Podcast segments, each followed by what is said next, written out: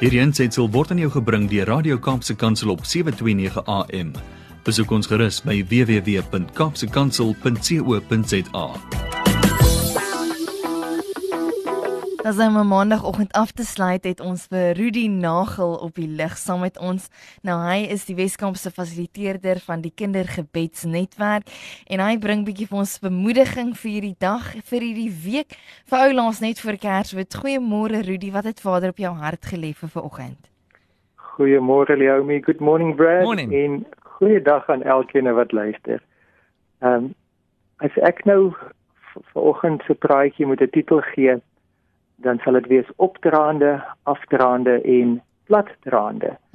Want dit is die terme wat my oudste seun gebruik het. My oudste seun is nou 24, 'n jong volwasse fotograaf wat op sy eie bene staan, maar meer as 20 jaar gelede toe hy natuurlik sy, bene natuurlik baie korter was, hy was nog nie eens 4 gewees nie. Hm. Toe het ons vir hom een van daai klein swart plastiek skopfietsies gegee en hy het hom gery dat daai skopfietsie, daai motorfiets se wiele later aan sommer bevryings was. Hy het hom gery dat dit regtig dat ehm um, mens kon sien dat hy dit geniet het. En op daardie stadium uh, het ons in Nelspruit gebly en dit was dit is 'n baie skuins area. Dit is 'n styl afdraande en 'n styl opdraande. So as ek dan met hom gaan stap het, dan ons afrit was 'n styl afdraande, so ek moes draf om langs hom te bly. En ons het maar altyd seker gemaak dat daar nie aankomende verkeer was nie, maar as dit dan nou veilig is, dan het hy op die afdraande afgejaag Mm. en dan het ons links gedraai en dan was dit 'n stylerige bult wat hy dan met inspanning met daai kort beentjies van hom op daai swart skopfietsie opgetrap, opgetrap, opgeskop het tot bo. En dan bo as ons bo op die bult gekom het dan was daar so 'n 'n draaisirkel, dit was 'n doodloopstraat, so dit was lekker stil daar. En dan kon hy so om en om en om ry. En hy het gepraat van die afdraande, die opdraande en die platdraande. Mm. En ehm um, daardie daardie woorde bly my by en veral in 'n jaar soos 2020 kan 'n mens terugdink na 'n klomp afdraandes waar dinge voor die wind gegaan het, waar die wind deur jou hare waai en jy dan sommer giggel lekker, net spoed vang en dinge is lekker en dinge is voor die wind. Maar ons kan almal een of heel wat geleenthede onthou tydens 2020 waar dinge opdraande was Mm. Waar dit inspanning gevat het, waar ons met moeite die volgende tree gegee het en waar ons regtig moes beur om voor te kom. En dan is daar in elke jaar selfs so buitengewone jaar soos 2020 is daar tye van platraande waar jy eintlik maar net in sirkels ry en maar net more of the same waar jy net nog bietjie meer nog 'n rondte doen, maar dit is gelykpad Mm.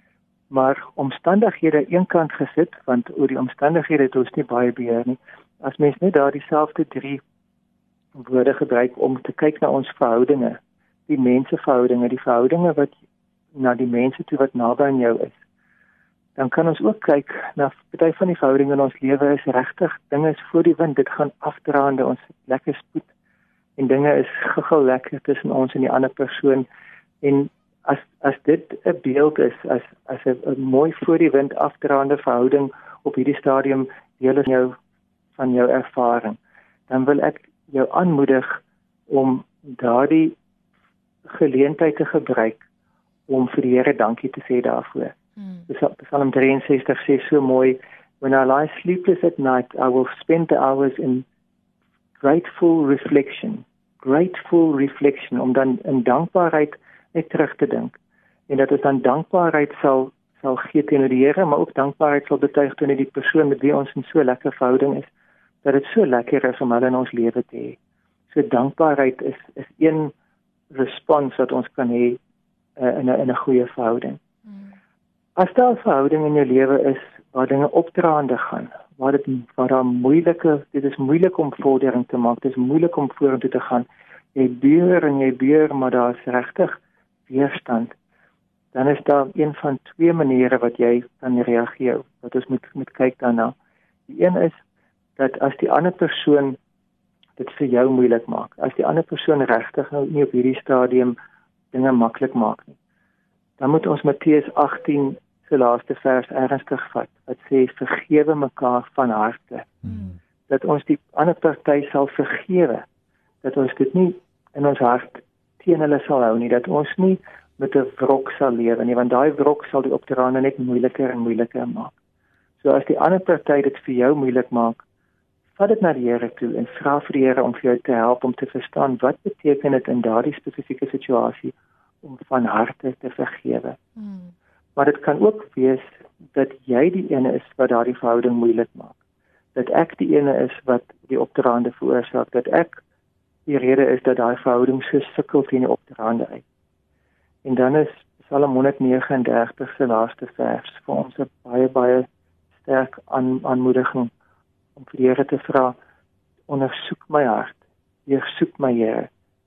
Search my life of soos dit wat die message vertaling sê investigate my life. Mm. Dat ons vir die Here sal vra Here, wat is dit in my wat maak dat ek hierdie verhouding so so 'n uh, opdraande stryd gee? Wat is dit in my wat veroorsaak dat hier soveel weerstand is in my hart teenoor die ander persoon. En dan is daar party verhoudings wat op platrande is waar hmm. wat waar dinge redelik alledaags en redelik voorspelbaar en redelik ehm um, gelykmatig is. Hmm. Maar geen verhouding in ons lewe behoort uh, in autopilot te wees nie. Geen verhouding behoort maar net voort te gaan in terme van more of the same nie. Die Here wil hê ons moet nader aan mekaar beweeg. En dis wat Galasiërs vir ons sê, dra mekaar se laste. Want as jy uitreik na die ander persoon toe en uitvind wat is vir hulle swaar, wat wat maak hulle lewe vir hulle moeiliker hmm. en jy sê ek sal saam met jou loop. Ek sal nader aan jou kom en ek sal 'n deel van daai vrag van jou skouers afval en ek sal saam met jou die volgende tree vat en en 'n stuk van jou las dra dan kom jy nader aan daai persoon en dan kom daar 'n meer hegter band tussen jou en hulle. En dan is dit of dit nou in binne die huwelik is of dit binne is die gesinsverband of dit uh, iemand is in jou vriendekring, as ons mekaar se laste dra, dan kom ons nader aan mekaar. So ek wil vir my seun se woorde opdraande, afdraande, platdraande wil ek gebruik as 'n manier wat ons na ons die verhouding in ons lewe kan kyk dan vir elke afdraande verhouding kan sê Here dankie dat dit dinge gaan voor die wind dinge het spoed en dit is lekker. Hmm. Elke opdraande verhouding wil ek dan sê uh, is die ander persoon die een wat dit moeilik maak hmm. dan wil ek hulle van harte vergewe. As ek die een is wat dit moeilik maak, ondersoek my hart Here. Wys my wat is verkeerd. En in die wat platraande is, is die wat die wat net gelykmatig is om dan te sê ek wil bereid wees om 'n tree nader te gee aan daai persoon. Hmm. En ek wil hulle laste begin dra. Ek gaan dat ons saam bid hieroor en ehm um, dat ons vir die Here vra om vir ons genade te gee want dit is vreeslik maklik om Matteus 18 te quoteer en te sê vergewe mekaar van harte. Maar elkeen van ons weet dat as die ander persoon jou regtig seer gemaak het, dan is dit nie 'n spontane natuurlike reaksie om te wil vergewe nie. Hmm. Dit is 'n bonatuurlike genadegawe van die Here om daardie genade te vind van die Here af om daai persoon vry te spreek om om hulle om die pyn wat hulle veroorsaak het dat ons nie hulle wil terugseer maak nie dat ons nie wil ons 'n sin vir geregtigheid dat ons nie wil vergeld nie hmm. dat ons nie wil terugslaan nie dis bonatuurlik ons gaan vir die Here vir daai genade vra om te kan vergewe En as ons sê ondersoek my hart, dan is dit nie self ontleding dat ons soos 'n speurder probeer om onsself uit te rafel en te probeer om foute te soek nie. Dan is dit om te sê, Here, ek gee vir u vrye toegang tot my binneste. Ek gee vir u vrye toegang tot my hele menswees. Hmm. En ek wil vir u vra om vir my te wys as daar ergens 'n pad van smarte in my lewe is. Ergens iets is wat geknak of gebreek is wat ek nie reg doen nie en wat oorsaak dat verhoudings in pyn is en dat ek die oorsaak van daai pyn is help vir my om dit te vind. So ons gaan vir die Here vra om vir ons dit alles uit te wys. En dan as ons dan vanoggend vir die laaste keer so saam bid, dan wil ek ook vir die Here net vra dat hy uh, vir julle twee daar in die ateljee en vir die hele span by Kaapse Kansel hmm. en dan vir elke luisteraar dat hy vir ons sal kom ontmoet in hierdie tyd dat ons regtig rondom Kersfees sal beleef dat hy is Immanuel met ons is God hy mm. is by ons mm. so kom ons bid saam ons Vader dankie dat u die een is wat verhouding uitgedink het omdat u 'n verhouding God is Vader Seun Heilige Gees wat in ewige wonderlike heerlike harmonie saam in verhouding bestaan. En omdat U ons geskep het in U beeld, wil U vir ons verhouding gun, wil U vir ons hê dat ons in verhouding met onsself en met ons naaste in harmonie en vreugde moet lewe. U gun vir ons verhoudinge wat spoed het en wat vreugde het. Hmm. Dankie Jesus dat U kom betaal het uh, aan die kruis en dat U vir ons kom vergewe het. En omdat U ons vergewe het, kan ons nou die vergewe wat ons te nagekom het en wat ons seer maak.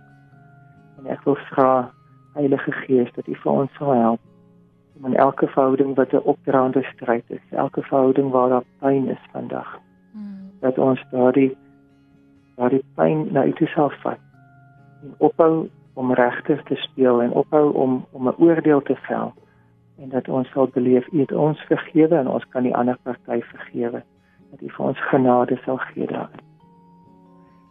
En Here, as dit nodig is dat ons ons harte moet ondersoek, as dit nodig is dat ons moet U toelaat om om deur ons harte te, met U lig te skyn, want in U lig vind ons die lig. Hmm. Dat ons U toelaat om ons te ondersoek. Here, dan dan vra ek dat dit nie sal lei tot selfverwyte of selfveroordeling nie, maar dat dit sal kom dat ons kos sal kom tot by selfkennis waar ons met kennis en begrip onsself as lewende offers vir U kan oorgee en sê hier is ek Here. Ek gee myself en dat U ons kan vernuwe. Dit die feit dat ons gedagtes vernuwe word en dat ons dan nie kan begin dink in elke verhouding. Hmm.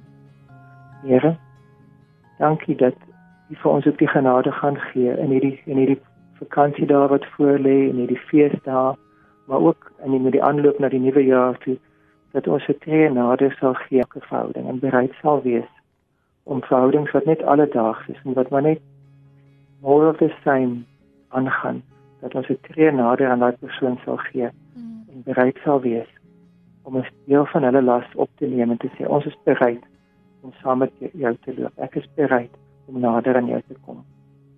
Dankie Here dat U vir ons in ons afdraande en ons opdraande en in ons pladraande verhoudings verhoudings genade gee. Mm.